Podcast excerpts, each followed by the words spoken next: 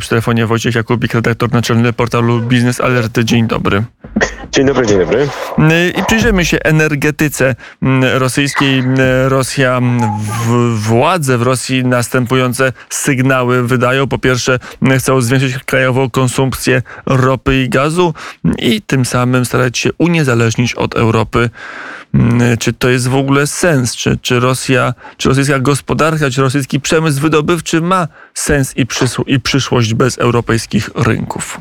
Ma tę przyszłość od ponad dekady, natomiast nie potrafi po nią sięgnąć. Cały czas y, Rosjanie są zależni od rynku zbytu w Europie, y, na który trafia większość ich surowców wszelkiego rodzaju, na czele z gazem i ropą. Tak jak słyszeliśmy, y, w okolicach nielegalnej aneksji Krymu w 2014 roku, że umowa gazowa z Chinami spowoduje, że Rosjanie uniezależnią się od gazu, od rynku gazu w Europie. 2014 roku. Tak teraz słyszymy w 2022 roku, że też to zrobią i y, słyszymy też o rynku ropy naftowej, natomiast y, nie ma faktów, które pozwoliłyby stwierdzić, że Rosjanie szybko będą w stanie porzucić te rynki zbytu. Nawet rosyjski komersant, który prosi się o cenzurę, przyznaje, że ten proces mógłby zająć około pięciu lat. Natomiast warto podkreślić, że pierwsze sygnały o tym, że Rosja porzuci europejski rynek gazu pojawiły się w 2014 roku i od tego czasu nie porzuciła, wręcz e, zwiększyła zależność od tego rynku i sytuacja na Ukrainie tego szybko nie zmieni, ale oczywiście propagandowe przekazy są zawsze w cenie na Kremlu. A z drugiej strony mówi się, jest Rosja może yy, starać się o rynek azjatycki. Indie kupiły przecenioną rosyjską ropę, ale czy tak się da, chociażby z gazem? Czy yy, Rosja w mhm. ogóle ma możliwość, żeby przesyłać gaz chociażby ze źródeł jamalskich w jakimkolwiek innym kierunku niż na zachód? Do pewnego stopnia oczywiście się da i Indie korzystały y, z promocji. Zobaczymy, czy będą korzystać, kiedy pojawią się sankcje y, drugiego rzutu przeciwko tym, którzy współpracują z Rosjanami przy dostawach ropy. Chodzi o sankcje na przykład amerykańskie. Takie spowodowały, że Iran musi y, obecnie szmuglować ropę albo wymieniać ją barterowo na przykład na zboże, więc Rosję też to może zaraz czekać. Poza tym dostawy y, do Indii są dużo mniej intratne niż na rynek europejski. Trasa jest dłuższa. Mamy bardzo ciekawy tekst Mariusza Marszałkowskiego u nas w portalu na ten temat, który na liczbach pokazuje, że to się nie opłaca. Ale wiemy też, że Rosjanie potrafią e, podejmować się e, działań pozornie ekonomicznych, które mają sens tylko polityczny. Na przykład umowa gazowa z Chinami, która nie daje alternatywy do rynku europejskiego, ale jednak pozwala opowiadać o zwrocie do e, Chin. Jest tak przeceniona, że według ekspertów z 2014 roku, o czym też pisałem wtedy, eksport gazu rosyjskiego do Chin jest y, poniżej granicy opłacalności, to znaczy Rosjanie dopłacają, żeby tylko wysłać ten gaz do Chin, bo taki jest cel polityczny, taki y, cel y, ma Kreml i nie ma mowy o tym, żeby dostawy morskie gazu skroplonego zastąpiły dostawy od Gazpromu, bo po pierwsze one głównie odbywają się za pośrednictwem głównego rywala Gazpromu, czyli Nowatechu. Po drugie odbywały się też głównie do Europy, a tutaj e, konkurencja rośnie ze strony Kataru, Stanów Zjednoczonych, Australii, tych wszystkich kierunków, które są cywilizowane. E, no a po trzecie e, nie można przekierować ponad 150 miliardów metrów sześciennych rocznie do infrastruktury na gaz skroplony. Nie ma takiej fizycznej możliwości póki co, więc dywersyfikacja rynków zbytu Rosji z Europy do Azji jest w krótkim terminie niemożliwa, natomiast należy uderzyć sankcjami jak najszybciej, żeby próby E, podejmowane na rzecz uniezależnienia się od sankcji europejskich e, zostały zatrzymane i aby ofensywa rosyjska na Ukrainie została zatrzymana w ten sposób. E, mieliśmy w Polsce także pewne zamieszanie, jeżeli chodzi o embargo gazu.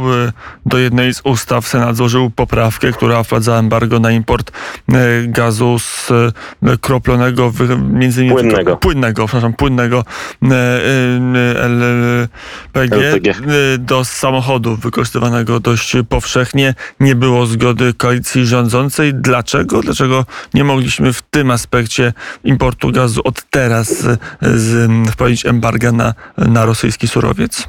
Polska, podobnie jak Europa, na początek sięgnęła e, po embargo na węgiel, ponieważ najłatwiej jest się go pozbyć. Kolejne y, surowce to większe wyzwanie ekonomiczne, logistyczne, oczywiście y, do podjęcia, do zrealizowania.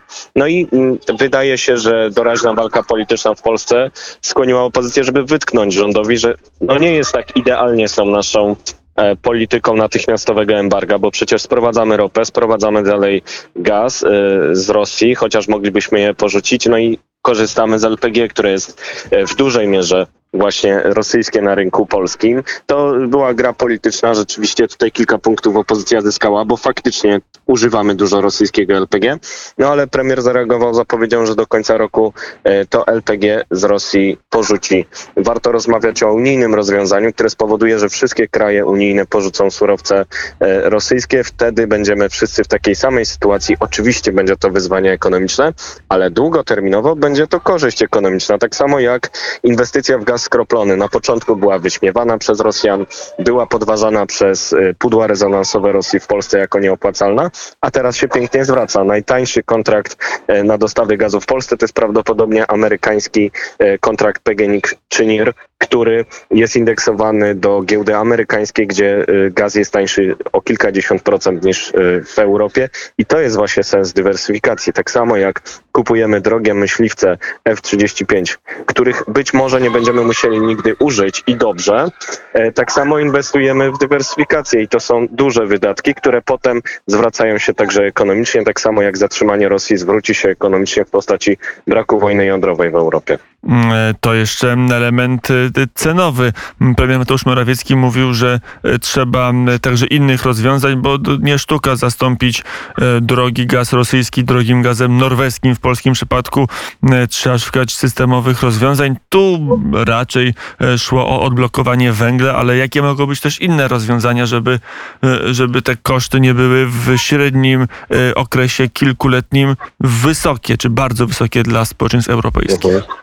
Należy zastrzec, że prawdopodobnie premierowi chodziło o to, że mamy kryzys energetyczny i wszędzie jest drogi gaz w Europie, więc ten sprzedawany z Norwegii także jest zależny od cen giełdowych więc każdy gaz na naszej giełdzie będzie drogi. Natomiast generalnie gaz ze złóż norweskich z koncesji PGNiG-u może być e, nawet tańszy od tego wydobywanego przez Polaków w naszym kraju. Więc różnie z tą ceną jeszcze może być. Natomiast długoterminowo rozwiązaniem jest zmniejszenie zapotrzebowania na paliwa kopalne poprzez transformację energetyczną. To znaczy poza tym, że chcemy zmienić źródła dostaw, powinniśmy też zmniejszyć zapotrzebowanie na paliwa kopalne, a do tego na pewnym etapie nierewolucyjnie. Dojdziemy także dzięki coraz większej efektywności energetycznej, dzięki źródłom odnawialnym w energetyce, ale także e, w ciepłownictwie, dzięki energetyce jądrowej, która je będzie stabilizować, dzięki rozwojowi sieci. Cała ta zielona transformacja prowadzona w sposób rozsądny to także jest element rozwiązania, ponieważ spowoduje, że nie tylko nie będziemy potrzebować rosyjskich surowców, ale także surowców w ogóle. A może zmienić tymczasowe podejście do węgla i uznać, że węgiel jest paliwem przejściowym terminie, do czasu uruchomienia terminie, atomu tak i OZE. Ale na Tylko poziomie to nie europejskim. Jest rewizja, to jest korekta. E, na, e, na poziomie europejskim faktycznie jest tak, że Polska i Niemcy teraz węglem stoją, jeśli chodzi o bezpieczeństwo energetyczne. E, Niemcy nie chcą energetyki jądrowej, więc zabezpieczają odnawialne źródła energii węglem brunatnym. To jest pewien paradoks. Natomiast tutaj już politycy muszą rozmawiać o tym, czy czy, zwrot energetyczny w Niemczech to hipokryzja, czy potrzebuje korekty, to, to jest to, wyzwanie ale czy to jest w ogóle Berlina. Natomiast stole, żeby też Bruksela uznała, że to, jest, że to jest racjonalny pomysł, że nie, nie robimy tego stopniowo, czyli węgiel e, w miejsce gazu, a potem atom albo bardziej sprawny OZE albo magazyn energii e, w miejsce gazu, tylko żeby ten węgiel dociągnąć do momentu, kiedy pojawią się elektrownie w Polsce jądrowe i kiedy pojawią się lepsze technologie magazynowania energii z OZE. Wygląda na to, że jest zielone światło do takich działań. Najlepszy przykład to jest program Bloki 200. Chodzi o wydłużenie życia starych bloków węglowych o mocy 200 MW każdy, czyli takich małych bloków węglowych, pamiętających jeszcze niektórego mułkę, e, nawet do 2035 roku, po to, żeby za mocno nie wejść w gaz, bo pewne inwestycje zostały już zaplanowane i podjęte. Pojawią się pewne nowe bloki gazowe i będziemy w stanie zapewnić im gaz spoza Rosji, ale nie możemy iść dalej w ten gaz, pomimo wstępnych planów, żeby właśnie na gazie robić transformację energetyczną. Nie będzie tak. E, Będzie dłużej węgiel po to, żeby nie uzależnić się mocniej od e, importu i potem będziemy mogli przeskoczyć już na ten duet właśnie atom-OZE, kiedy to będzie bezpieczne, kiedy będziemy na to e, przygotowani. Jest pełne zrozumienie tutaj w całej Europie. Jeżeli nawet Niemcy zabezpieczają teraz OZE węglem, no to chyba znajdziemy jakieś porozumienie, pomimo różnych politycznych wycieczek z, z obu stolic. To już na koniec, panie redaktorze, mm, jeszcze wróćmy do e, Rosji. Jak możemy sobie wyobrazić sytuację gospodarczą e, Rosji po tym rozszyciu się, jeśli ono nastąpi, e, rynku energetycznego między, Rosji, między Rosją a Unią Europejską, kiedy Unia Europejska przestanie płacić Rosji za gaz, ropę i węgiel?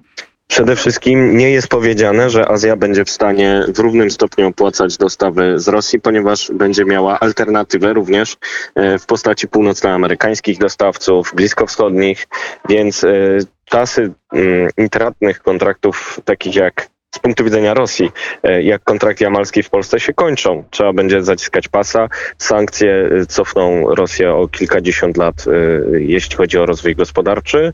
No i mm, Rosja może stać się w coraz większym stopniu słabszym partnerem Chin, ich zapleczem surowcowym. Oczywiście sprzeda te surowce, e, może na przecenie, może nawet dopłacając do tego, ale jej podmiotowość, która była sankcjonowana właśnie tym, że utrzymywała wpływy na świecie poprzez zależność surowcową od niej, szczególnie w Europie Środkowo-Wschodniej, te czasy y, się kończą. Doktryna Falina Kwicińskiego z czasów końca Związku Sowieckiego zakładająca, że Rosja będzie używać gazu zamiast czołgów, straci aktualność. Y, Rosjanie będą musieli szukać innych sposobów na e, istnienie na arenie międzynarodowej. Y, Życzmy sobie, że będzie tym sposobem na przykład podział Federacji Rosyjskiej na mniejsze cywilizowane państwa. Mm, I tego mm, Rosji e, życzymy z całego e, serca, przynajmniej ja, ale pewnie i redaktor Jakubik również. Oczywiście. E, Była, była Republika Nowogrodzka, było księstwo Pskowskie. Och, można by Była wymyśleć... krajem cywilizowanym. Tak jest. Można by wymyśleć parę całkiem ładnych, cywilizowanych krajów na miejsce Rosji i byłoby lepiej. Redaktorze, dziękuję bardzo za rozmowę i do usłyszenia. Do usłyszenia.